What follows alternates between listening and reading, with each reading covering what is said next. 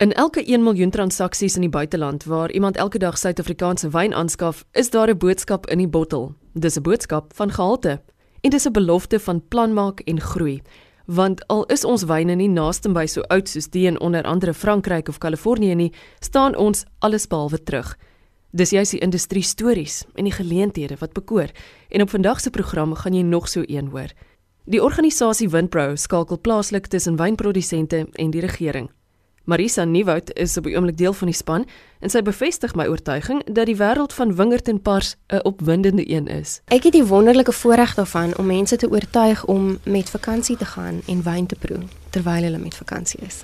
Ja, so dis 'n lekker werk. Nee, ehm um, my werk fokus grootliks op koördinering tussen die verskillende wynroetes in Suid-Afrika, tussen die publieke sektor, tussen die private sektor en om dan daardie projekte te identifiseer wat regtig 'n verskil gaan maak vir die groter wynbedryf in die toerisme sektor. Ek werk met 23 van ons het die 22 wynroetes en die SA Brandy Homes. So ons staan nou op 23. Kyk, ons stel ook by die Oranje rivier wynroete in die Noord-Kaap en dan KwaZulu-Natal het drie wynplase wat 'n lieflike informele roete vorm um, met die Midlands meander langs tot op na die Drakensberge. Hulle maak basies dieselfde kultivars wat ons in die Wes-Kaap maak. Kleinerige plase, maar al drie van hulle is baie goed ingerig vir toerisme ook. So hulle het restaurante, proelokale hulle is gewild vertrou is. So dit is 'n interessante ontwikkeling daar in KwaZulu-Natal. Rico Basson is bestuurende direkteur van Windpro en 'n man wat die oesjaar van 2019 in oënskou neem. Ja, die die woord wat ons dikwels gebruik nou is die bedryf is in 'n strukturele fase van verandering. En miskien moet 'n mens net verduidelik nou wat beteken dit? Ons het oor die laaste 3 jaar deur 'n geweldige droogte gegaan vir die Wes-Kaap, een van daai 1 uit 50 selfs 100 jaar droogtes.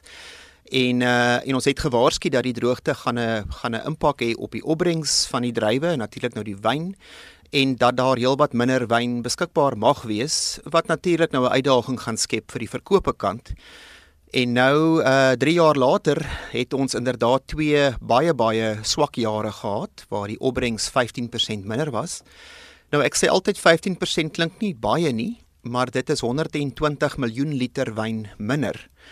En uh en dit het natuurlik dan nou die laaste 12 maande uitgespeel dat ons uitvoere ehm um, het heelwat gedaal in aan die volume kant. As ek sê heelwat, dan 100 miljoen liter wyn is minder uitgevoer en in die plaaslike mark omtrent 20 miljoen liter. So inderdaad dan nou die 120 miljoen liter. Ek dink die die positiewe nuus daarvan is dat die waarde per liter die die ding waarmee ons nou al so lank stoei dat ons wyn te goedkoop is in die wêreld daar buite het ook aangepas positief dan nou. So volume dan nou af, maar die pryspunt in rand en natuurlik nou definitief in dollar en euro terme is uh, is aangepas wat dan nou die positiewe silwer randjie is. Ons is geneig om te sê ons kyk na die Kaapstad damme en ons is verskriklik dankbaar dat die dat die damme wat Kaapstad voed is vol. Maar as ons kyk na van ons areas dan uh, plek soos die Olifantsrivier, die dam is is nou eers vol. Hulle kom uit 'n baie baie moeilike 3 jaar. En die Klein Karoo kort nog reën, maar maar oor die boeg gesien en die winter hoop ons is nog nie heeltemal klaar nie. Definitief goeie koue eenhede, definitief voller damme. Die sentiment van die produsente is drasties meer positief en ons uh, het weer stokkies wat geplant word. So vir die eerste keer in bykans 10 jaar begin ons weer wingerde vestig op 'n totale ander skaal as vorentoe en ek dink dis positief. Wat was van die dinge omtrent die bedryf in 2019 wat jy gevind het as 'n aangename verrassing wat jy nie half gesien kom het nie?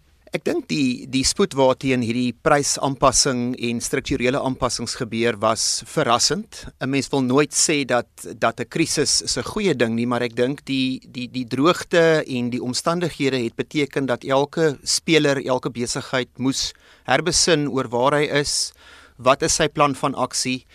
As die volume minder raak in 'n kelder, dan het jy gewoonlik 'n kosteprobleem en en ek ek dink vir my die positiewe nuus is hoe hoe die bedryf oor streke heen, oor grense heen, selfs internasionaal begin kyk het na alliansies. Ons het nou 'n keller wat byvoorbeeld Sauvignon Blanc plaaslik maak en ook in Nieu-Seeland en in 'n alliansie saam in die wêreld bemark. So dit dit gee vir jou tog die teken dat ons is in 'n globale wêreld. Aanpassing is nie altyd maklik nie. Ek het groot empatie en simpatie dat sekere streke langer sal vat om te herstel en uh, waar ons kan help ons hulle en ons is definitief in die regeringsgesprek rondom hulp en rondom groei en een van die redes waarom ons so sterk voel oor die binnelandse mark en ook die toerisme mark is juis dat ons strategie het twee dele. Die een is die regeringsgesprek rondom wetgewing en definitief kort ons baie meer beleidsekerheid maar die ander een is die die die bedryf se plan is een van groei. En en dit is waar wyntoerisme 'n baie belangrike rol speel om van daai groei te skep, ambassadeurs te skep, ons wyn op 'n ander kanaal te verkoop en en daarmee saam die beeld van Suid-Afrika te verander. En ek sê dikwels, ons het nie noodwendig wetgewing wysiging nodig of nuwe planne nie. Ons moet bloot bestaande goed implementeer. Dis kompleks. Um, ons is nou besig met 'n damprojek um, wat ons dink die grootste grondhervormingsprojek in Suid-Afrika sal wees. Maar jy het 18 regeringsdepartement nodig om af te teken op iets wat ons in die privaat sektor sou reken is nie so kompleks nie. So dis harde werk. Ons het ook 'n kantoor al 3 jaar gelede in Pretoria gevestig juis om baie nouer skakeling te hê met regering. En baie van ons werk is dan nou in die tradisionele belastingaksynskanaal, maar is definitief rondom marktoegang. En ons sê marktoegang, dan is dit definitief die die ooste China, baie werk rondom Brexit. Um, ons moet nie vergeet nie dat Europa is steeds by verre ons grootste mark en en Brexit het ons gelukkig proaktief onderhandel dat ons ons tariefvrye kwota sal behou. Maar Afrika is miskien die een geleentheid wat skielik 'n groter realiteit geraak het en hoewel ons as Suid-Afrikaners baie keer sal sê dis ons agterplaas, um, is dit dalk 'n bietjie arrogant. Want uh Afrika is aan die groei en ontwikkel en en baie van die lande drink reeds wyn, maar dit is Portugese wyn en dit is Spaanse wyn en dit is Chileense wyn. Maar ons dink definitief dat Afrika met die nuwe ooreenkoms is skielik 'n baie uh, groot geleentheid en 'n en 'n geleentheid wat definitief daar is um, om te benut te word. Ek wou 'n wyn wêreldbeker hou en uitvind wat dit is wat span Suid-Afrika doen om die wenpunte in die industrie aan te teken. Ons doen amazing goed. Nee, ons doen fantastiese goed. Ek dink baie keer ek staan verstom. Ons kom uit 'n uit 'n geskiedenis van 360 jaar. Die die bedryf is nou 360 jaar oud. En ek beskryf dit as ons is hierdie ou wêreld land met nuwe wêreld innovasie. En ek dink die rede waarom elke wynskrywer internasionaal skryf oor ons is die innovasie deel. En ek dink daai deel is nie net dat ons fantastiese wyn maak uit 92 kultivars amper, maar dit is die mense. En en Marisa kan dit ook beamoen, maar ons vertel die ongelooflikste stories. Ons het hierdie storytelling sal die Engelsman sê geneig en dit maak dit vir mense baie interessant. Ons praat nie graag nie, miskien is dit 'n kultuurding. Ons breek nie graag soos ander lande breek nie, maar vir my 'n baie goeie voorbeeld was rondom klimaatsverandering. Dat in die droogte het ons het ons gesien dat ons het geweldige uitdagings, 'n wingerd het water nodig en ewe skielik was daar 30-50% minder water en Ons produsente het ongelooflike aanpassings gemaak in hulle tegnieke en ek dink nie hulle kry altyd die erkenning dat hulle is inherent entrepreneurs wat soms in moeilike omstandighede goed moet doen nie. Maar die die analogie wat ek sal gebruik is die die Frankryk Frankryk bly maar die verwysingspunt in die wêreld van wyn. Ek dink hoe meer lande wat dit wil verander hoe meer bly dit dieselfde en hulle het 'n baie 'n streng klompie reëls rondom wyn en, en nou met klimaatsverandering het hulle toe nou hulle skema aangepas dat hulle sewe ander kultivars as die tradisionele kultivars kan produsente verbou. En toe ek vir my tegniese span vra nou wat sê julle daarvan toe sê hulle vir my wel dis nie so nuuswaardig nie. 5 van daai sewe het ons al vir meer as 10 jaar in Suid-Afrika en het ons proaktief gebruik en ingebring en skoon gemaak en en vir my spreek dit tog tot die stukkie innovasie dat ons het nou ook Albarino, dis 'n Griekse kultivar. Ons het Tempranillo. Ons het bygebly dat die fase waarin ons nou ingaan is die spyskaart of die seleksies wat ons kan doen in hierdie unieke area sodanig dat ons die kwaliteit wat ons reeds aanwerk net nog beter sal maak. So ons verkoop miskien wyn uh, aan die onderpunt van Afrika wat vir baie 'n derde wêreld ontwikkelende land is. Maar as ons daai bottel wyn van ons neersit langs 'n Kaliforniese bottel, langs 'n Franse bottel, langs 'n Nieu-Seelandse bottel en dit sou 'n blinde proe wees, is ek nie seker dat ons vyfde sal kom nie.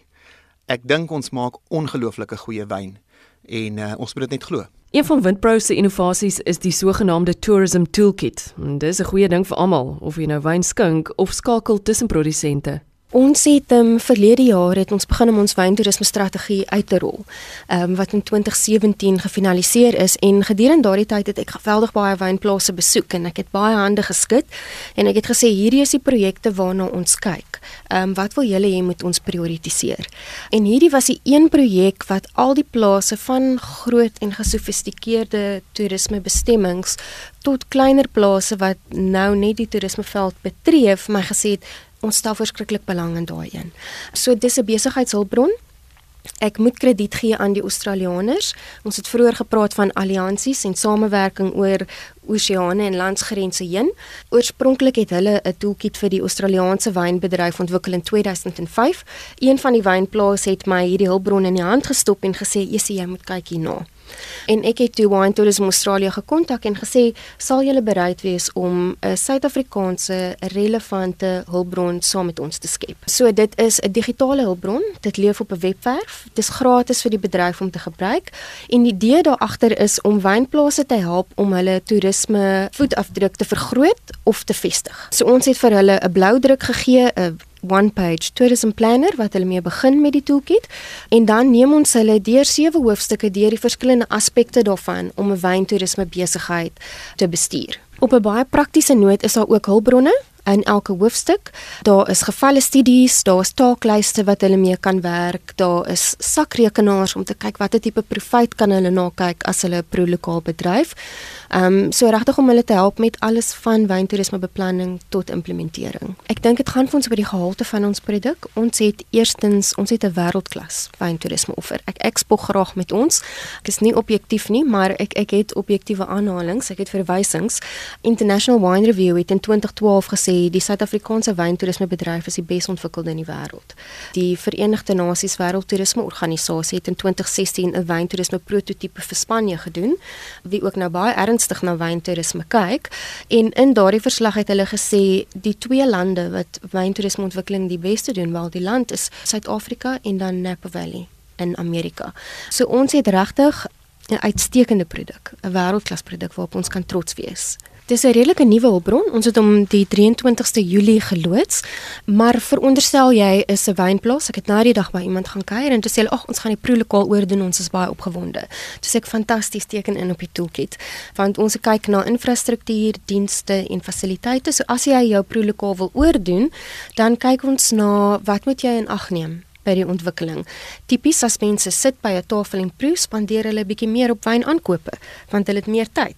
Ehm um, hulle geniet dit meer, hulle meer vra meer vra eerder as wat jy hulle laat staan by 'n toonbank. So ons het heelwat navorsing en gevalle studies ingetrek van Napa Valley, Australië, Nieu-Seeland, Suid-Afrika om te sê wanneer jy ontwikkel, wanneer jy beplan, wanneer jy vernuwe, hierdie is die gevalle studies van wat mense doen op die oomblik. Best practice as jy my die Engelse term sal vergun. 'n Staaltjie wat wat mense dikwels skok is is wanneer ek hulle vertel dat 70% van wyntoeriste Suid-Afrikaners is. Ons het dikwels as ons toeriste het ons 'n internasionale toerist met 'n gids in hand of 'n app op hulle foon in gedagte. En regtig waar die grootste gros van ons kliënte Suid-Afrikaners wat wynplase besoek. Dit is 'n groot voordeel vir ons want dit is baie goed vir 'n volhoubare besigheid.